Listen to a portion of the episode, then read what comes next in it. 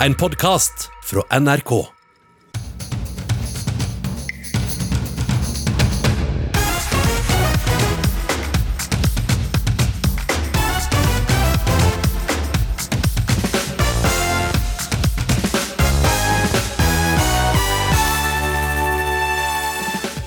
Rosenborg er på trenerjakt. Det beste ville være å få inn ei kloning av Nils Arne Eggen, mener leder av supporterklubben. Mange planlegger ferietur med bilen, men bilferie er ikke sånn som det en gang var. Jeg håper og tror de fleste har slutta å røyke i bil. Eh, at barna får lov til å liksom glippe opp ruta bak hvis bilsyken skulle melde seg. Noe som ikke var lov da jeg vokste opp, for da fikk pappa trekk i nakken.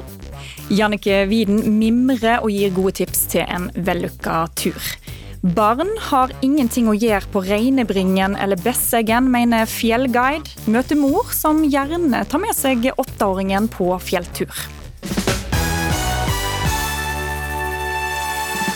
God lørdag der ute. Jeg heter Marte Rommetveit. De to neste timene i ukeslutt så skal vi òg ta en tur på sparkesykkel i Bergen.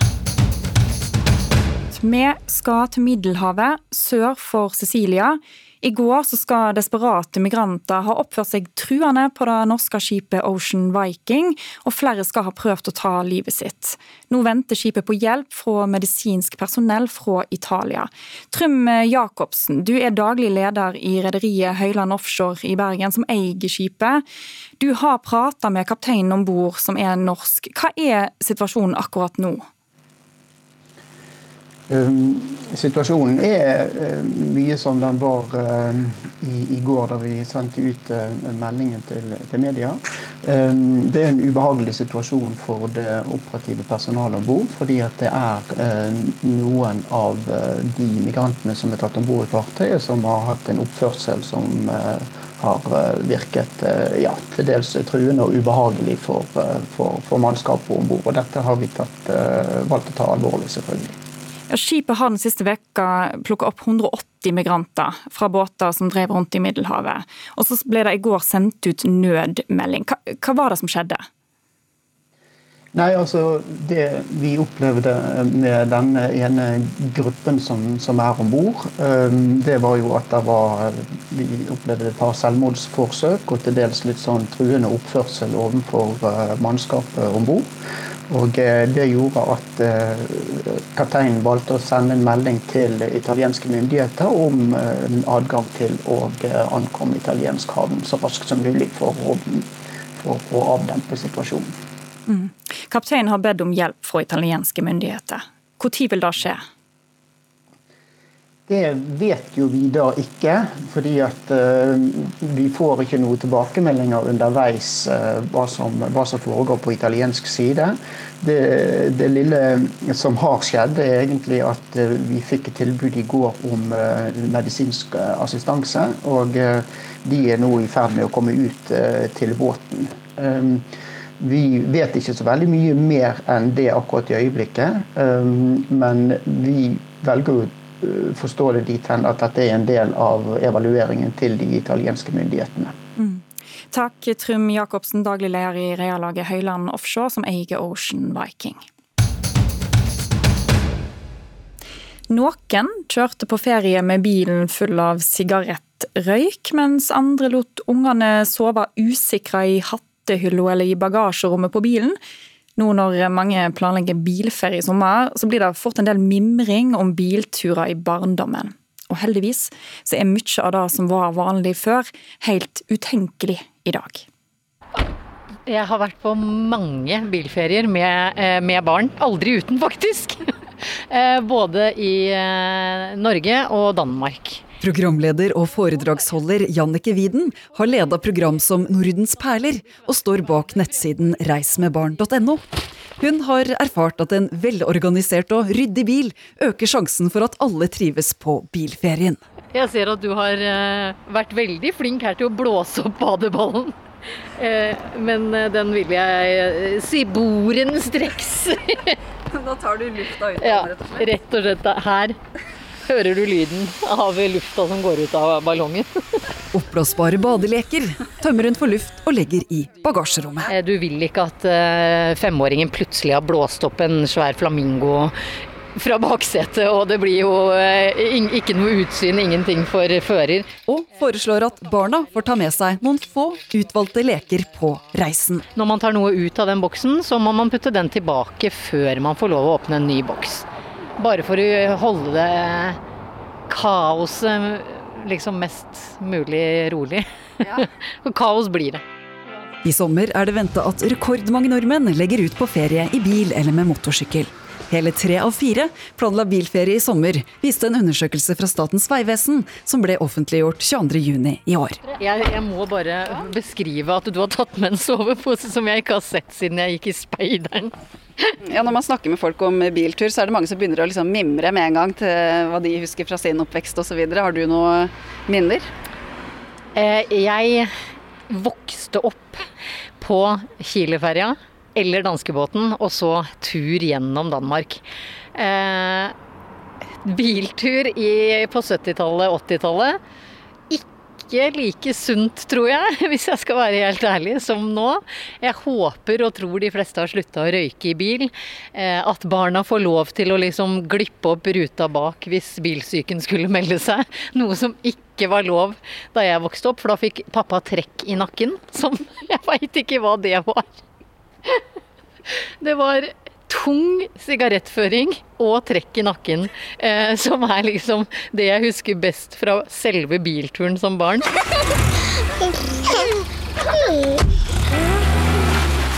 Alt var ikke bedre før heter kampanjen til Trygg Trafikk, der de har invitert folk til å dele bilder og minner fra bilturer før i tiden.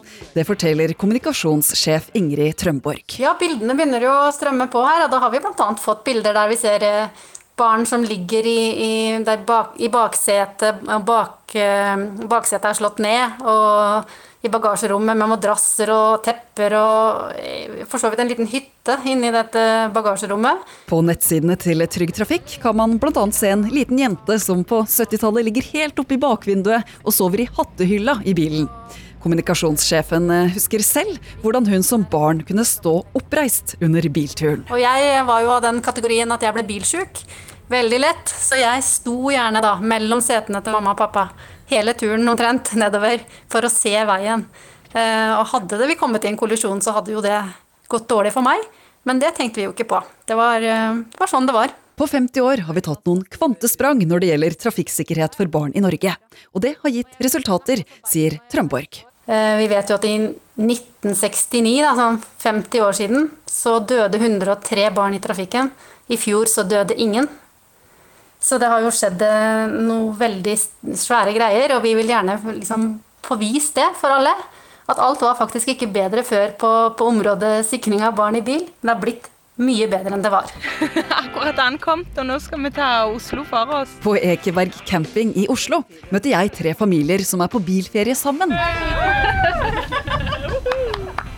Vi er seks voksne og um, syv barn. I dag tok vi det inn i tappen, men ellers så blir det avtalte pauser. Litt niste og is og det som trengs. Ja. Og har uh, alt gått strålende underveis med barn og alt sammen? englebarn. siste stund og siste timene i bilen der kan bli litt uh, ja, hektiske, men eh, ellers så går det knirkefritt. Ja. De er ikke i tvil om hva som er deres beste tips til en vellykka bilferie med barn. Ja, ja, iPad og alle andre medier som trengs i, i bilen. Det er vel beste tipset. Ja. For reiseentusiast Jannike Widen har det vært viktig at barna også tar pauser fra spill og TV-serier under bilturen. Både pga. Eh, at jeg tror at man opplever mer av turen hvis man ikke sitter og ser på Nickelodeon eller NRK Super. Hele turen i hvert fall. Og så at det heller kan være en, en slags um, gulrot. Hun tipser om at det er lurt å alltid ha med søppelpose. Uansett om den boksen man finner eh, finner er full av druer eller kjeks, så blir det blir søppel uansett. Og kanskje en nødløsning hvis du ikke ikke kan stoppe bilen raskt når barna må på do. Ha en flaske tilgjengelig hvis det skulle være helt motorvei og du har en gutt. Da er det lettere med flaske. Nå får man jo eh, til campingturen også disse flaskene til eh, oss jenter. Eh, jeg vet ikke helt om jeg hadde dratt frem den type avansert turutstyr. Er det sånn trakt? Ja, sånn trakt. Ned, så, ja. Med bilferie er det bare å forberede seg på det meste, men likevel prøve å nyte turen helt fra start. Altså, bare start ferien idet du setter deg i bilen. Ikke tenk at ferien starter når du er fremme. Så bra. Ja, men da drar vi på ferie, da. Vi gjør det. Reporter Line Forsmo. Sommerferie betyr òg fjell for mange. Det å nå toppen gir en mestringsfølelse, for ikke å snakke om utsikten. da. Det er bonusen. Men det er ikke alle turer som passer like godt for hele familien. Hvert år så kommer tusenvis til Moskenes helt sør i Lofoten for å gå opp til Reinebringen. Og flere av dem er barnefamilier. Nå advarer kommunefolk mot å ta med små unger opp til et av de mest populære fjellene i Lofoten. Men du trosser dette, Isabella Einersen. Du bor i Svolvær i Lofoten. Hvorfor gjør du det? Jo, eh, jeg trosser jo Altså trosser jo ikke rådene sånn sett. Eh, de rådene er jo kommet ut nå i forkant av den ferien som, som står for dør. Eh, og, men eh, vi har nå gått den, da. Eh, og det er jo mye på bakgrunn av ja, at det er jo litt ulike forutsetninger, tenker jeg. Eh, jeg er jo kjempeenig i det kommunen sier og de rådene som er. Jeg er heller ikke den som går og eh, promoterer og ber folk om å gå denne turen med barn. Eh, snarere tvert imot. Men vi har nå trena veldig mye på det her å være i fjellet og tok ja, de forhåndsreglene vi kunne ta før vi gikk den turen. Så det ble en veldig fin tur for oss. Og Hvor gammelt er barnet ditt? Han er åtte år. Og han har vært med helt fra han var liten? Ja, på, ikke på Reinebringen, altså, da, men på, i fjellet generelt. Det var hans første tur på Reinebringen uh, i fjor, når vi gikk den i lag. Hvordan har dere trent dere på det å ta forholdsregler i fjellet? Jo, eh, vi har jo, vi har jo hele tida hatt han med i fjell, men da ikke på type luftige topper. Og alle fjellene han har vært med på, har jeg vært på flere ganger i forkant før jeg i det hele tatt hadde tatt han med.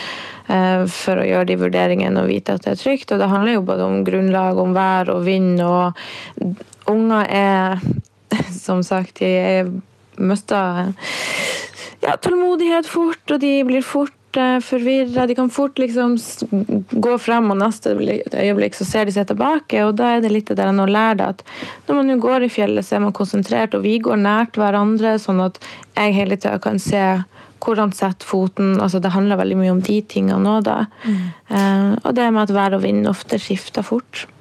Fjellguide Audun Rasmussen, du har gått i fjellet i ja, 50 år og kjenner godt Reinebringen. Ja, hvor mange ganger har du vært der nå? Jeg har vært på Røynebringen ca. 1300. 1300. Du, hva tenker du om at flere barnefamilier, ja, som Isabella Einarsen, har tatt turen opp til Reinebringen? Nei, sånn, I utgangspunktet så skjønner jeg at folk vil gå på Reinebringen, for det er en fantastisk utsikt. Men det som er problemet med Reinebringen, det er at det, vi er midt i et byggeprosjekt. Og Reinebringen har vært med og planlagt den trappa fra starten av. Og, og det som er problemet der, det er at det som er farlig i det fjellet, hvis vi prater om det, det er at det er masse løs stein. Og det er ikke gjort noe med ennå, og det blir ikke gjort noe med før trappa er ferdigstilt. Så kan du si, det er de rådene jeg har gitt til kommunen, at så lenge den trappa ikke er ferdigstilt, så tror vi vi må gå ut med at det er ikke ei familievennlig trapp, ennå i hvert fall. Mm. Men hva med andre høye fjelltopper da her i landet? Besseggen, Preikestolen, Gaustatoppen. Er det greit å ha med små barn? For meg er det ikke det, men det er, det er min personlige mening. Og så vet jeg at vi alle har forskjellige forutsetninger. Og personlig så begynte jeg å gå i fjellet da jeg var fem år. Og, og, men det er ikke alltid det det står på. Det er sånn som Reinebringen, det er faktisk andres forutsetning. For når du kommer ned i trappa, om det er meg eller Isabella eller andre, så kan ikke vi gjøre noe med de som er på toppen så slipper ned stein på oss. Isabella Einarsen, eh, kommer du til å gå til Reinebringen i år? Nei, det kommer jeg ikke til å gjøre. Og det er også litt det her når man går ut med de rådene, så vil man ikke fortsette Altså, man vil jo ikke fremme det for andre heller, fordi det er fort at folk ser det og tenker at oi, ja, men gikk kos, så kan vi også. Selv om at altså, folk tenker ikke at man har ulike forutsetninger. Og jeg er kjempeenig med både kommunen og med Audun altså, oppi alt det her, fordi at altså, sånn som når vi gikk, så var det i natta for at vi ikke skulle gå når det var stinn brakke der. Fordi som sagt, det er de folkene som går både først, som, kan, som er liksom risikoen også da ofte. Um, men eh, nei, altså, veldig enig. Og Det finnes vel andre turer i området som er mer tilrettelagt kanskje for de små? Det finnes så mange fine turer i området her som barnefamilier kan gå. Det handler jo, altså, det, og det syns jeg skal være viktig å si, at det er ikke liksom toppturen det handler om. Og som du nevner, både Besseggen og, og Trolltunga og alle de her, det, jo, det trenger ikke å være lange turer. Det motiverer jo ikke ungene. Det må jo være denne turgleden som skal være fokus, og, og, det at man er ute i lag, rett og slett. Om det er bare i skog og marsk. Mm. Fjellguide Audun Rasmussen og fjellgeit Isabella Einarsen, la oss håpe på en trygg og god fjellsommer. Takk for praten.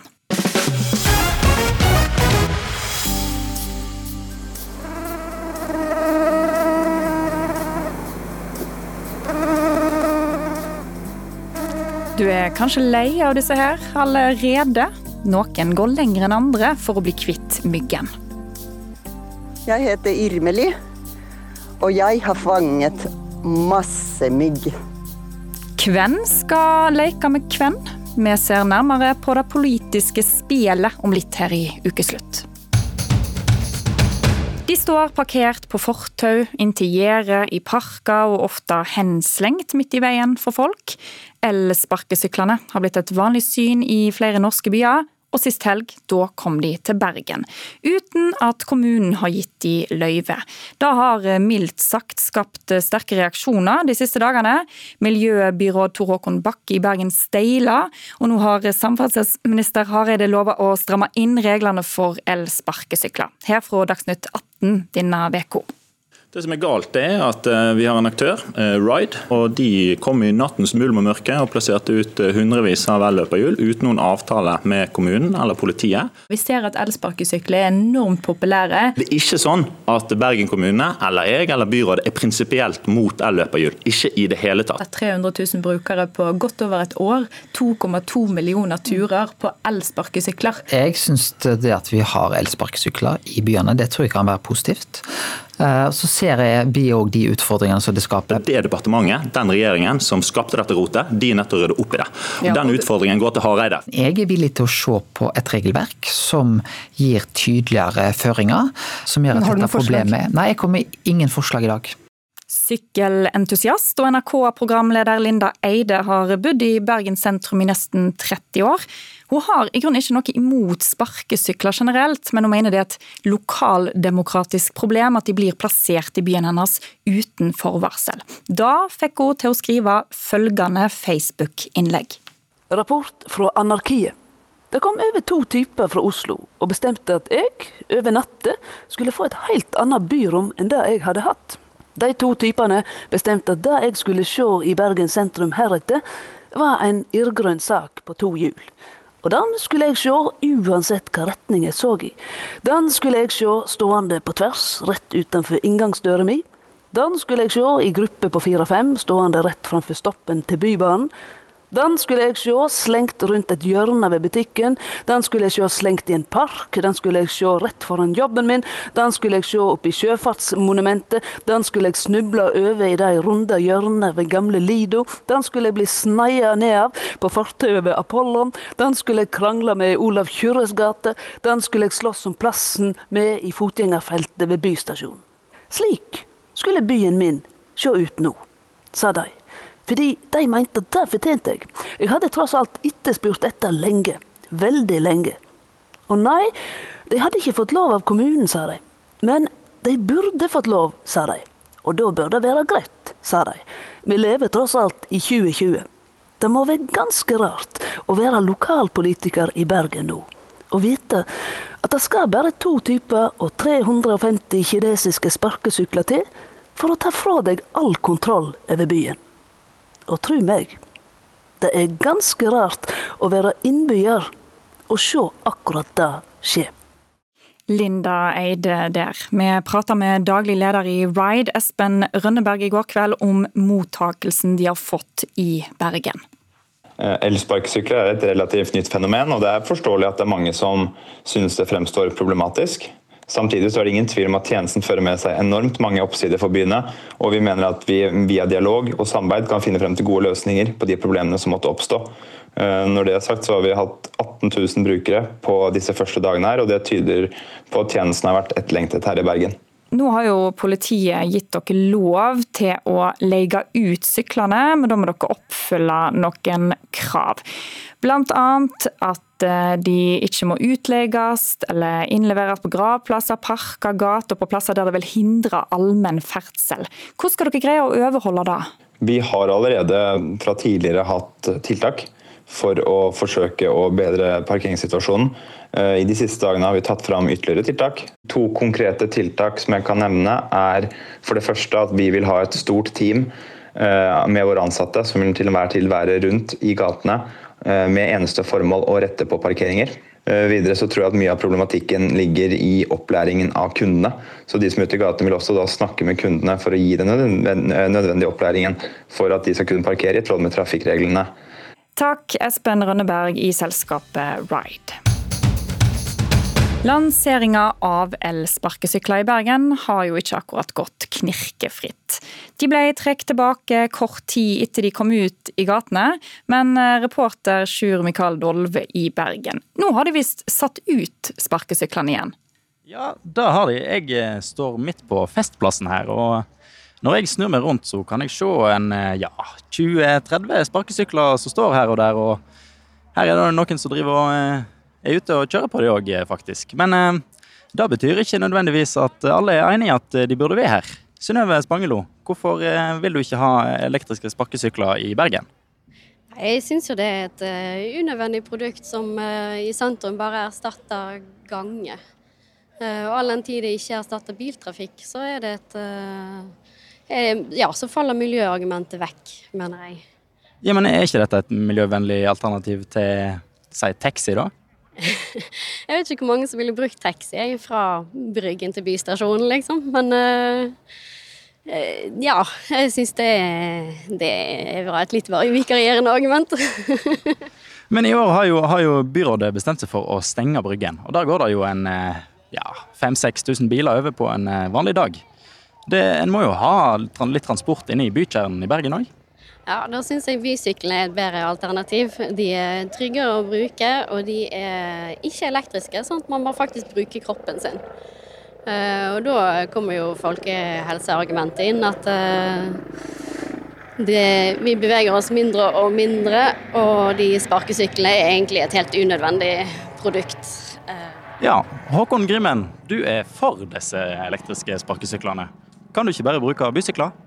Jo, jeg har brukt eh, bysykkel lenge, men eh, de er litt låst til eh, faste plasser og det er bestemt hvor du kan starte og hvor du kan slutte. Mens sparkesykkelen er litt mer åpen, så du kan kjøre fra A til B og sette den fra deg der du vil. Selvfølgelig ikke midt på gata, det er litt opp til den som bruker den og parkerer riktig. Men ja, jeg er veldig for at det er et fint transportmiddel til sånne korte turer inne i sentrum. Så du kommer raskt fra en plass til en annen plass. Men som du sier, så kan det jo være et problem at de blir liggende og slenger? Ja da, det er full forståelse for at de står i veien. og det, det, altså det er jo den som kjører den sitt ansvar å sette dem på riktig plass, ikke sette dem midt i gata.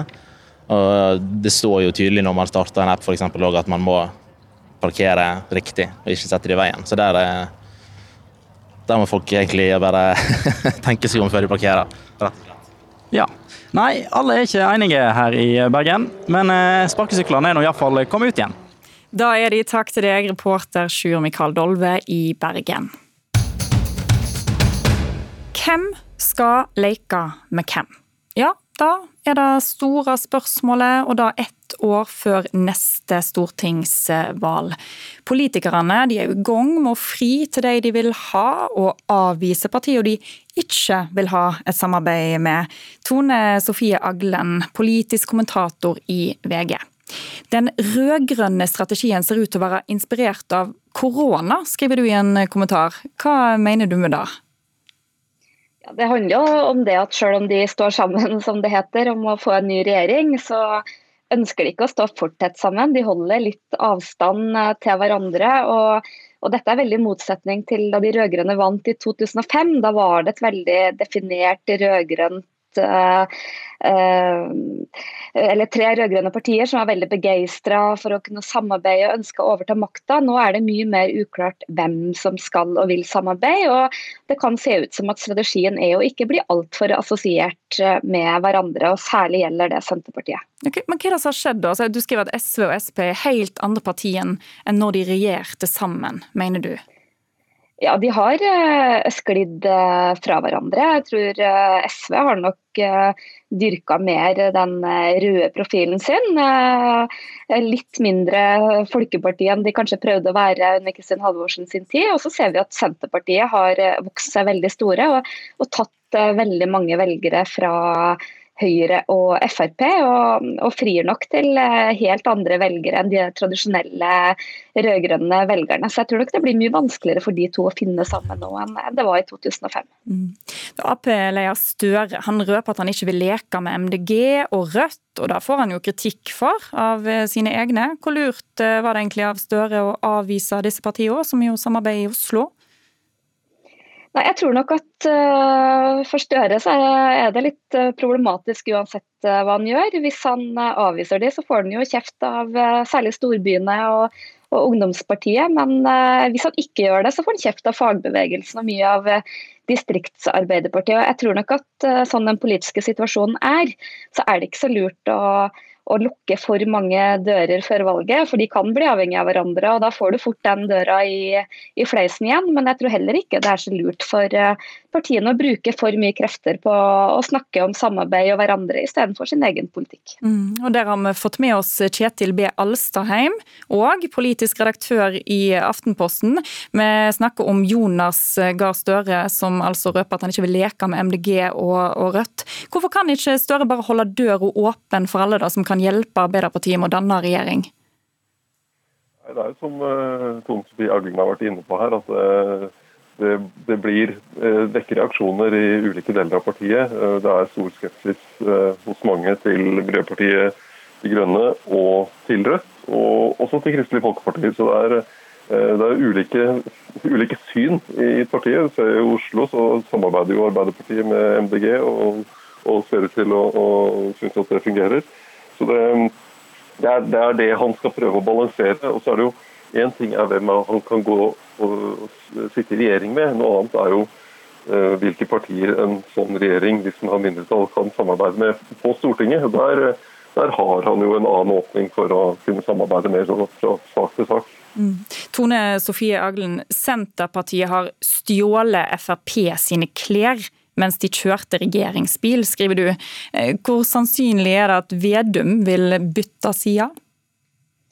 Jeg, jeg, tror ikke det er uh, veldig uh, sannsynlig, for det har jo vært Høyre og Frp som har vært uh, hovedmotstanderen til Senterpartiet. Men, men, så vet vi at Senterpartiet nå appellerer til veldig mange velgere på borgerlig side. Har flytta mye av politikken sin Eh, ikke når det gjelder sentralisering, og sånn, men når det gjelder en del andre ting, så, så, appellerer de eh, til en del av de borgerlige. og Jeg tror nok at Senterpartiet nå er veldig lei av å sitte i opposisjon. De har uh, fått en stor stortingsgruppe, så jeg, jeg tror ikke jeg ville utelukka noen ting før vi ser valgresultatet. Jeg tror i hvert fall at skrekken for Senterpartiet er å bli avhengig av et sterkt MDG og Rødt.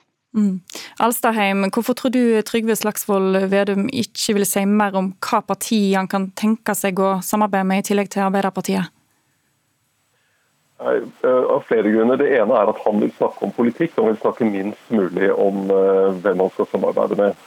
Og det, det, jeg tror han oppfatter det, det, å snakke om noe annet enn det er bare avsporing. Han vil snakke om det som er hans gjennomgangstema, nemlig sentralisering, motstand mot sentralisering osv.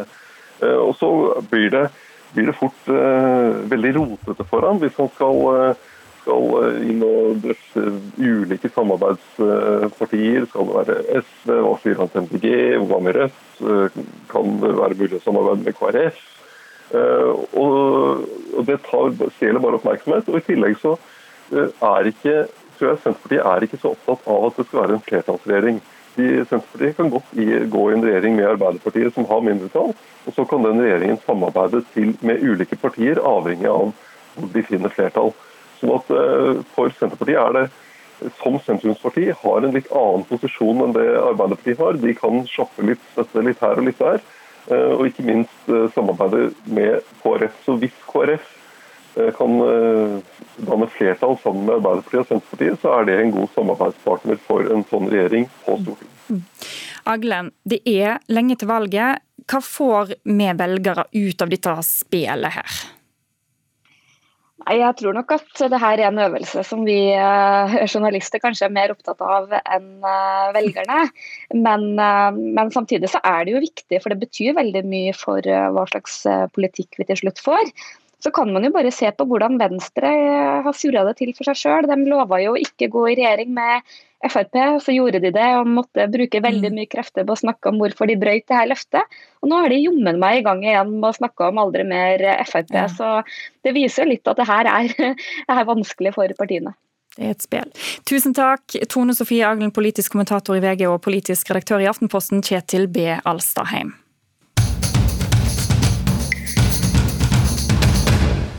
Klokka har passert ett, og vi skal ha en nyhetsoppdatering. Det er relativt god kontroll på koronasmitten her i landet, men ikke i alle andre land. Anders Borgen Bering? Nå har det vært eh, ny oppblomstring av smitte i Catalonia i Spania.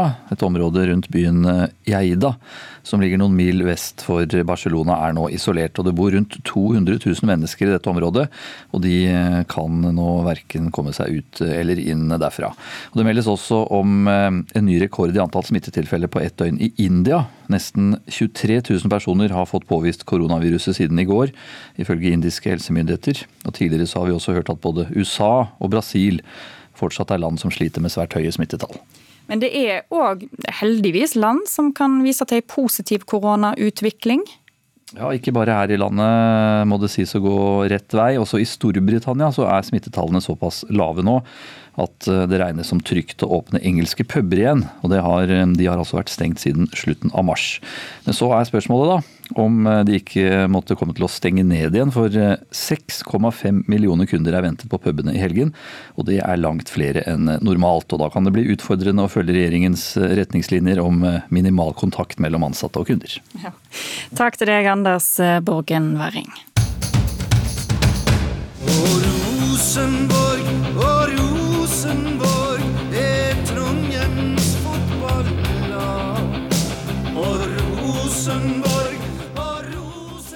Ja, Rosenborg, Norges mestvinnende lag gjennom tidene, sliter i motvind. Laget har ikke imponert med skåringer de siste ukene. Treneren har gått av, og nå er trønderne på jakt etter en ny. Og Denne uka har det vært forvirring rundt hvem som skal ta fotballaget til topps. En som ikke forventer å bli nevnt i den sammenhengen, er en av fotballspillerne med flest kamper bak seg, Rosenborgs tidligere stjerne Roar Strand. Nei, Det var litt av en overraskelse å få på en uh, tidlig morgen. Det var Dagsavisen som denne uken erfarte at Roar Strand, mann som spilte 20 år for Rosenborg, skulle inn i en trenerduo med lagets tidligere trener Trond Solli.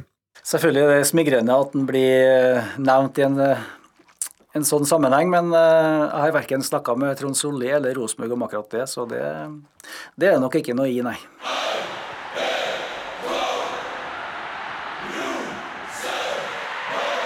Nok en gang er Rosenborg på trenerjakt, etter at Eirik Horneland gikk som trener forrige uke etter tap mot både Molde og Bodø-Glimt.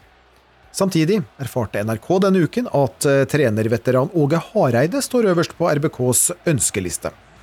Han er en av mange som har hatt eh, korte treneropphold i Rosenborg. Korte i motsetning til trenerlegenden selv, Nils Arne Eggen. Og spør man folk i trønderhovedstaden hvem de ønsker seg som trener, så nevnes fortsatt 78-åringen. Etter min mening så burde det jo egentlig være han eh, Nils Arne Eggen. Men også Trond Solli og Åge Hareide blir nevnt av folk på gata. Og det er ingen tvil om at eh, trønderne har skyhøye forventninger til en ny trener. Ja, du må ha en eh, god personlighet, være litt uh, typete, som uh, vi liker det her i Trondheim. Uh, og en godt humør som kan smitte på spillerne. Jeg må få dem til å sprenge litt mer og jobbe hardt. Det syns jeg. Jeg syns de er litt slapp. Det å utnytte at du har en overlegen spillertropp og klarer å bruke den best mulig. Ja. For de har jo en tropp som er mye sterkere enn de fleste andre norske lag. Og jeg spør eh, sportslig leder i Rosenborg, eh, Mikke Dorsin, som har ansvaret for å finne en ny trener, hva han ser etter. Vi vil jo vinne, eh, og da behøver vi en vinner. Framfor alt en sterk leder som takler både press utenfra og innenfra, som har vært med og vunnet en del før. Dorsin avkrefter at Roar Strand er aktuell, men vil verken si noe om Åge Hareide eller Trond Solli. Men han erkjenner at en ny trener må styrke selvtilliten til laget. Just nå så bør vi bli bedre på at vi må tilbake og bli mer offensive i hodet. At vi ikke får tappe troen på oss selv. Det er jo det. Altså, så lett i fotball når det ikke går som man vil, at man tapper troen på det man egentlig skal holde på med. Og så må en ny trener få publikum entusiastiske til kampen. Det sier den mangeårige Rosenborg-stjernen Roar Strand. Artig angrepsspill i fotball, det har, det har ikke vært de siste årene. Publikum kommer til Lerkendal for å bli underholdt og gå hjem derfra med smil om munnen. Um, det har vært litt lite av det i det siste. For fotball må være gøy. Og ikke minst, laget må vinne.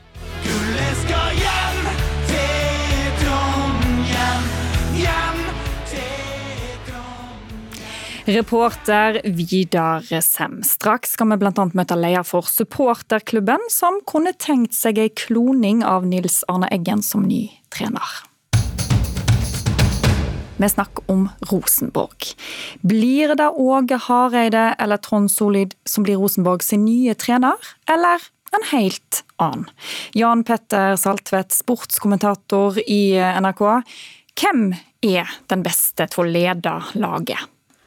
Du, jeg tror rent personlig at Åge Hareide er eh, den beste, og den alle i Trøndelag nå sitter og venter på skal si ja til å bli den eh, neste treneren i, i Trondheim. Og komme tilbake til klubben han forlot under litt turbulens i 2003. og Få den avslutninga på trenerkarrieren sin som både han og Rosenborg håper på nå.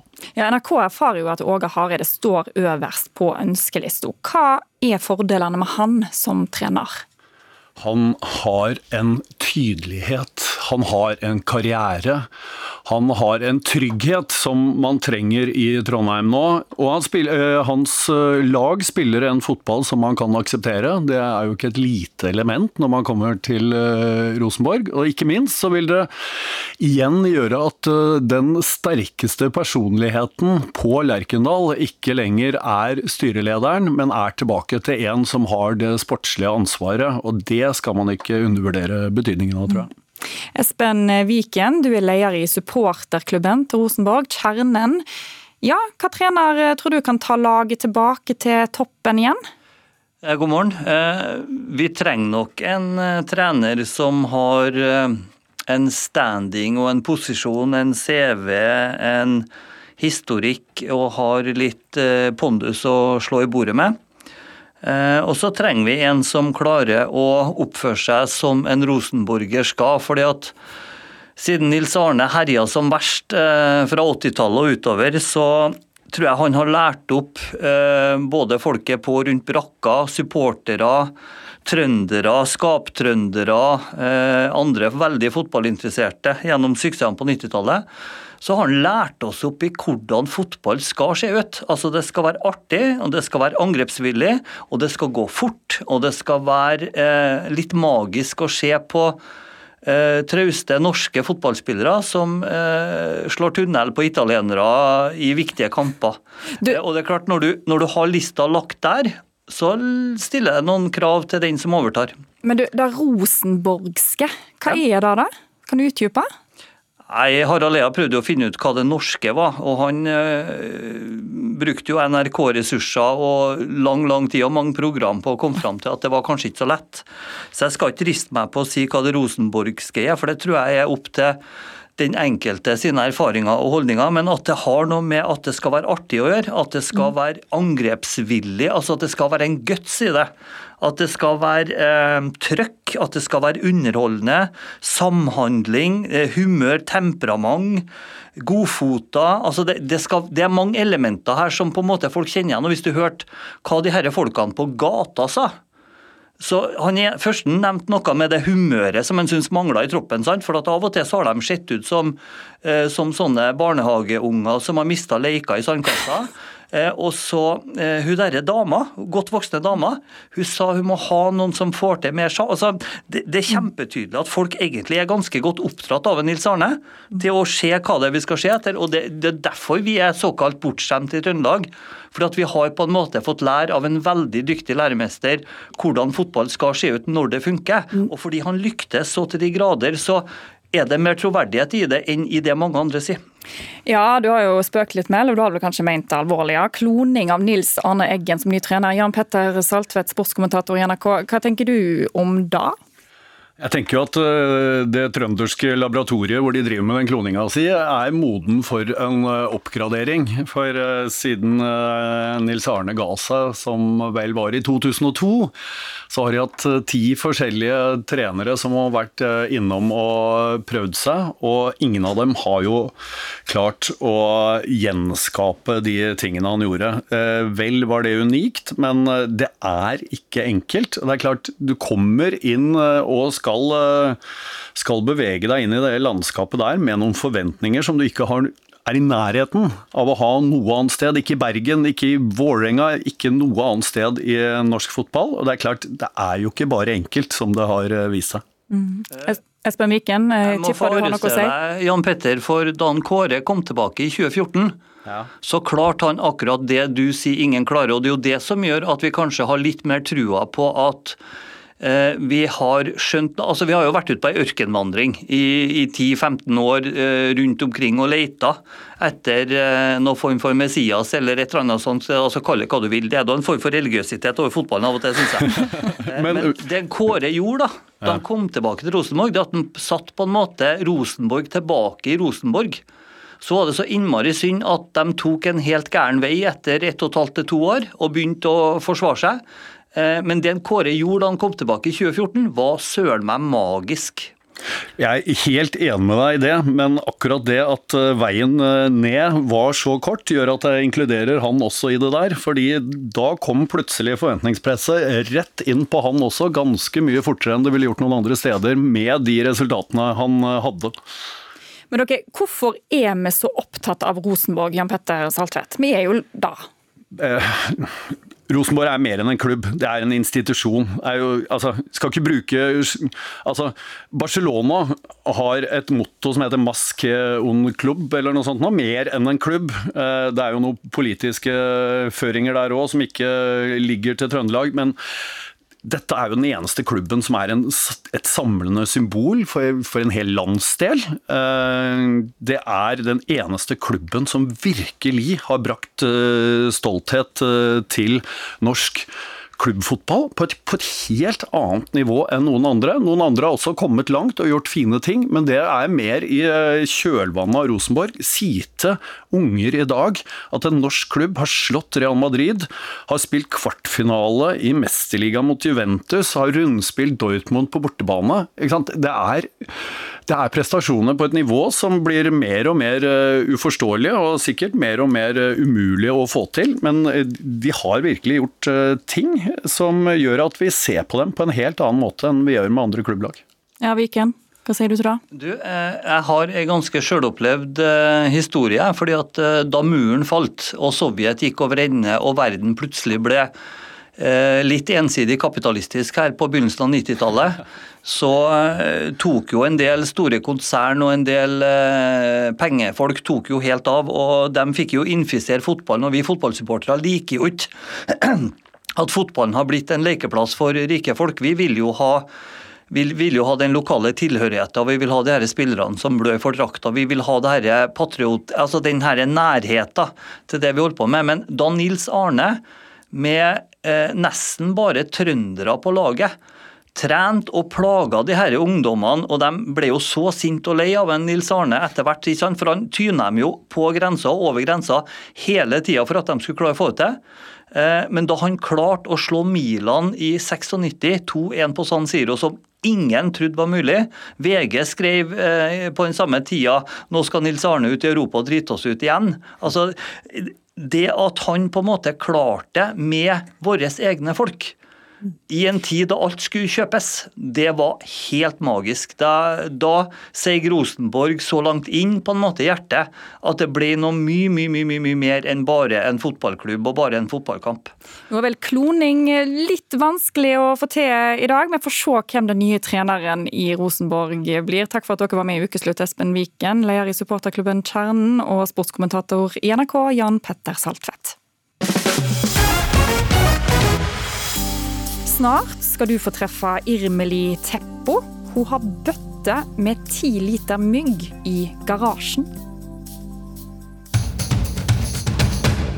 Også NRK inviterer oss med på biltur gjennom vårt eget ferieland i seks uker i sommer. Og vi har med oss paret Tuva Fellmann og Ronny Brede Aase, som denne uka kjører i den knallgule sommerbilen fra Tromsø til Hamarøy, stemmer ikke det? Det stemmer. det stemmer på en prikk. Helt riktig. Du, Hvordan har turen vært så langt?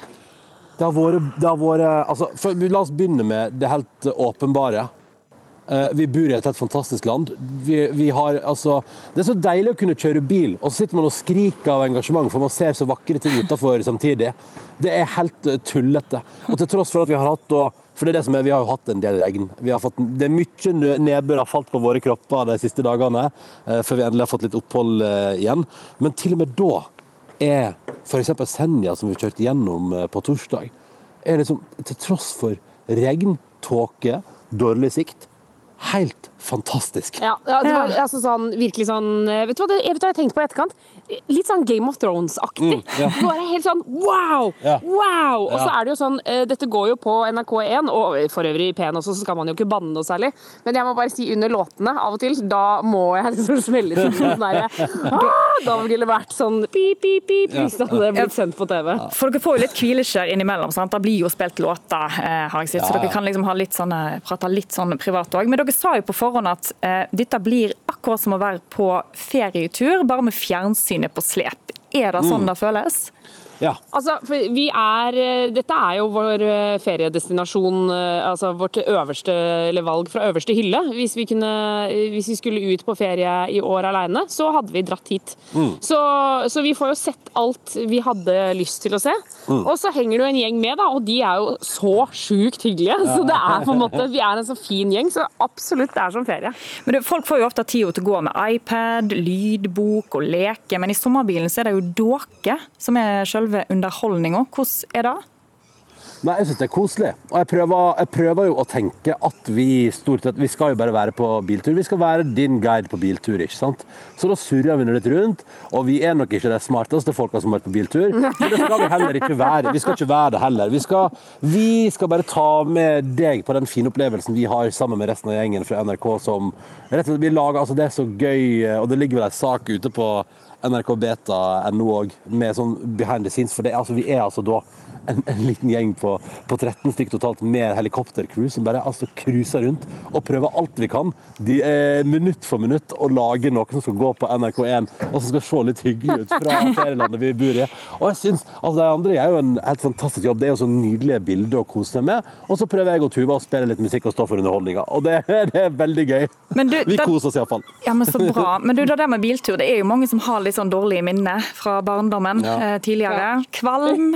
Nei, ikke, ikke noe dere kjenner dere igjen i? Du, jo, eller, altså, vet du hva, vi gikk jo på Men det hadde jo ikke noe med bil å gjøre. Men vi eh, skulle ta ferja fra eh, Senja over til Andøya. Eh, og når vi gikk på ferja, så kom det to ambulansearbeidere som kom bort med eh, plastposer. Og så var det sånn, ja, så jeg bare, Hva er dette her for noe? Så de nei, det er spyposer.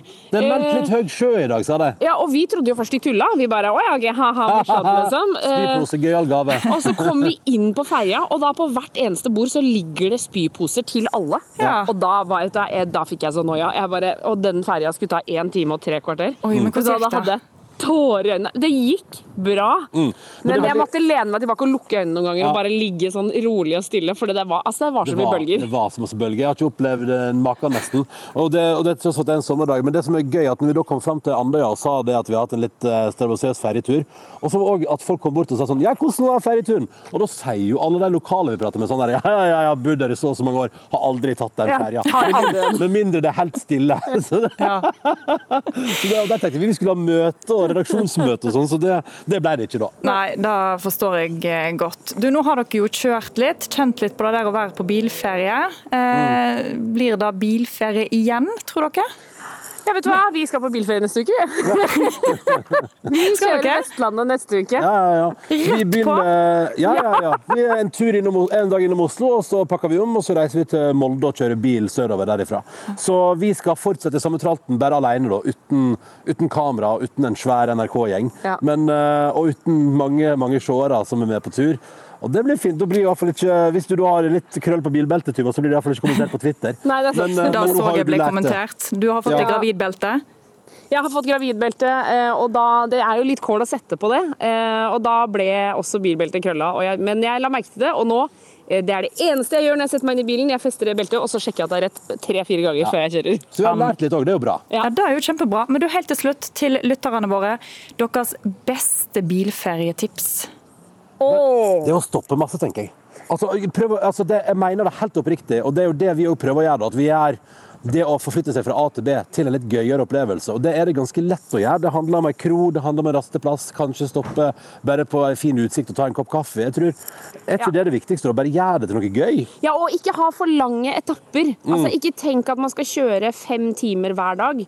Ta heller å, vi skal kjøre to timer, og da kan vi stoppe innom eh, Sånn som her om dagen, så stoppa vi innom en lamafarm. Og da, da gjør man det. Ja. Og så er vi på Å, se på lamaene! Og det var små kyllinger der. Og det var bare Å, superfint! La, la liksom det som engasjerer deg på veien, inspirere deg til å ta, faktisk ta en stopp, og ikke, ikke ha den der 'vi, vi rekker det ikke'-holdninga. Gå heller for Nei, men da, vi sjekker ut det. For jeg tror da blir det litt gøyere. Da er det ikke bare en transport, da er det en opplevelse i seg sjøl. Og siste, siste tips prat med folk. Ja, ja. Altså, eh, bare rett og slett ta deg tida, prat med de som er på stoppet. Eh, Prat med de som selger kaffe. Eh, rett og slett bli kjent med de andre som er ute på veien. Det er det verdt, altså. Ja, det er mye hyggelige folk. Tusen takk for eh, gode tips og rapport fra sommerbilen, Ronny Brede Aase og Tuva Fellmann. Og god tur videre. Du har vel kjent det. Når det blir på det varmeste og kanskje hyggeligste på kvelden, så kommer han. Myggen. I år så er det trolig mer av han enn normalt. Myggfangerne blir revne vekk fra butikkhyllene, og folk deler velvillig, velvillig bilde av myggstikk og klager over det plagsomme insekter på sosiale medier. Fins det egentlig gode måter å bli kvitt myggen på? Noen velger rett og slett å prøve å fange den. Du sitter kanskje ute en varm sommerdag og nipper til et glass vin. Men så hører du lyden. Lyden av den ubudne gjesten som alltid skal ødelegge for sommeridyllen. Den lander på halsen din, stikker og suger seg fast før du Men ett klapp er ikke nok, for myggen den kryr da, og spesielt nå. Så du bestemmer deg rett og slett for å fange den istedenfor. Jeg heter Irmeli, og jeg har fanget masse mygg. Dette er Irmeli Teppo. Hun bor i et såkalt mygghøl i Fettsund, og for et par år siden gikk hun til innkjøp av en myggfanger. Men siste uka har fangsten vært over dobbelt så stor som vanlig. Det er mange som vet det, at eh, det er ganske mye mygg der. Og når myggen kommer, eh, vanligvis den uka som, som er før sankthans, da blir det så mye at det er vanskelig å være ute. Faktisk nå i de siste ti-elleve dagene har vi samla, og vi ser at det er mye mer enn før. Men hvor mye mygg er det egentlig snakk om? Eh, hver av de posene er ca. én liter. Så det, det ble ca. to liter på tre døgn. Vanligvis har det vært uh, ca. én ukes uh, fangst, det som vi fikk nå på tre dager. Men, uh, men hva gjør du med den myggen du har fanga, med? Vi har samla dem i en sånn tilitersbøtte. Så du har ti liter med mygg stående i en bøtte i garasjen din? ja. Det er det. Mm. Reporter her var Ina Swan. Ja, noen velger å fange myggen i hopetall. Anne Sverdrup Tygeson, du er professor i bevaringsbiologi. Hva tenker du om Irmeli sin metode? Jeg tenker jo at uh det er ikke så sikkert om det har en nettoeffekt, selv om du ser at det går mange mygg i fella. Um, så det, det, vi har av vitenskapelige studier på det, er veldig ja, peker i alle retninger. Da. Noen viser at det har en effekt, andre ikke. For det er jo ikke bare å fange mange, du må jo faktisk redusere hvor mange det er. Og det er mange mygg nå i, i vår, eller sommer. Ja, for Er det spesielt mye i år? Vi har jo lest eh, overskrifter som 'mystisk mygginvasjon', iallfall eh, sies det i Oslo. Kan vi si det? Stemmer det? Altså Det som er, er at um, det var jo perfekte forhold på forsommeren for mygg i år. Fordi Myggen har jo barna sine i vann, og de ligger som egg og venter i liksom, forsenkninger i terrenget som er tørre. Og når det da kommer en vår sånn som det var nå, hvor det var hvor det smeltet masse på en gang når det ble varmt i juni. Eh, og det samtidig regnet med jevne mellomrom, sånn at disse dammene var fulle av vann. Og det var godt og varmt, så vannet ble varmet opp. Da går det unna. Da har du liksom perfekte forhold i myggbarnehagen, og da klekker veldig mange mygg innenfor en kort periode. Og da blir det jo veldig voldsomt. Eh, for det var kjølig gjennom mai, så da skjedde det lite. Og så plutselig så tok det av. Mm. Ble du sjøl stukken forrige helg, når det var så mye mygg? Ja, jeg blir jo alltid stukket, men eh, jeg tenker at uh, ofte går det greit hvis du dekker deg til. Hvis du har gjerne lyse klær, en langbukse og en litt tjukk skjorte, som godt kan være litt sånn løs, sånn at den ikke ligger helt inntil huden, så hjelper det ganske mye. Og så er det jo sånn at myggen går etter lukter. Og Da går den både etter de luktene vi syns er gode, og de vi syns er ekle. Um, så Hvis du har vært ute og løpt eller av en eller annen grunn er svett, så er det smart å ta en dusj. Uh, men det er også smart å ikke pøse på med veldig med forskjellig liksom, kosmetikk som har sterk lukt, for det kan faktisk også være tiltrekkende. Mm. Men du hvis... det er jo sånn at du kan sette deg i en vifte på terrassen hvis du har en sånn bordvifte, og bare ja. kjøre på med litt vind. Ja, nemlig. Men det er jo visse sånn urt og sånn, sånn lavendel tror jeg jeg har lest. Holder da myggen unna? Jeg tror vel det i praksis koker ned til at det er disse si, kjemisk baserte myggmidlene med DET som virker. Som uh, kan være greit. Hvis du er plaget, så bruk det. Særlig på de delene av kroppen hvor, du, hvor man har tynn, tynn hud rundt håndleddene, uh, på halsen, der hvor blodårene ligger rett under huden. For det er gjerne der det er lettest å, å bli stukket. Mm. Og så går det an å ta et myggnett på en caps eller en hatt i tillegg. Ja, du, eh, vi syns jo denne myggen er litt plagsom, da. Eh, veldig mange av oss. Du er jo insektsekspert. Eh, syns du ikke han er litt plagsom en gang, eller? Jo da, myggen er jo av de insektene som, som selv eh, vi som er glad i insekter, eh, kan slite litt med å, å elske. Iallfall når de kommer inn på soverommet om natten og du, du, hører den lyden dere startet med. Men det er jo en gang sånn at eh, de, de 2000 norske myggartene, inkludert de ca. 40 stikkemyggartene som vi, vi, har her til lands, de har jo liksom en plass i naturen, de òg. De er mat for svaler og lerker og ørret og ikke minst flaggermus. Ehm, de bidrar litt til å pollinere blomstene. Og de går jo inn i et samspill med massevis av andre arter. Mm. De gjør nytte for seg? Ja, de gjør nytte for seg. Og det går an for å sette opp flaggermuskasser. Én eh, flaggermus tar ca. 3000 mygg per natt. Det er jo et alternativ til disse myggfangerne. Og så kan det hjelpe å tenke på det at eh, i tropene så finnes det altså en slektning av vår norske mygg som er vesentlig for å pollinere kakaoblomstene. Så hadde det ikke vært for den myggen, så hadde vi rett og slett ikke hatt sjokolade. Og det kan jo være en bitte liten trøst. ja, Ja, Da må vi jo virkelig kunne trøste oss med. Og så er vi jo ganske heldige i Norge, da, så slipper å frykte disse sykdommene som myggene overfører i andre land. Ja, det er også et godt poeng. Det er jo ikke, altså Med mindre du er allergisk, og det er det få som er eh, mot mygg, men noen få, eh, så er det jo på en måte brysomt. Men hvis du klarer å la være å klø, så du ikke får liksom infeksjon i, i stikket, så, så, går det jo over. Og det er jo, de overfører jo per nå disse myggene som finnes i Norge, ingen, ingen farlige sykdommer. Og det er, skal vi jo være veldig glad for. Det er jo en av de tingene som kan endre seg med klimaendringene. Når det blir varmere her, så kan vi også få inn myggarter som kan overføre mer smitte. Så, så enn så lenge tenker jeg vi får ta den myggen vi har som en del av den, den vanlige norske sommeren. og, og tenke hardt på lørdagsgodt og sjokolade, og at den er nyttig i det store samspillet der ute i naturen. Ja, altså, Vi skal ikke ty til Irmeli sin metode. Mener du da dyreplageri? Nei, jeg vet ikke om det er dyreplageri, men altså de jo, for det første er de dyre, disse myggfangerne. Og hvis de da har altså hvis de ikke har effekt, så er det for så vidt bortkasta penger. Og hvis de har en effekt, og mange har slike i et nabolag, så vil de jo rett og slett redusere mattilgangen til flaggermus og fugl.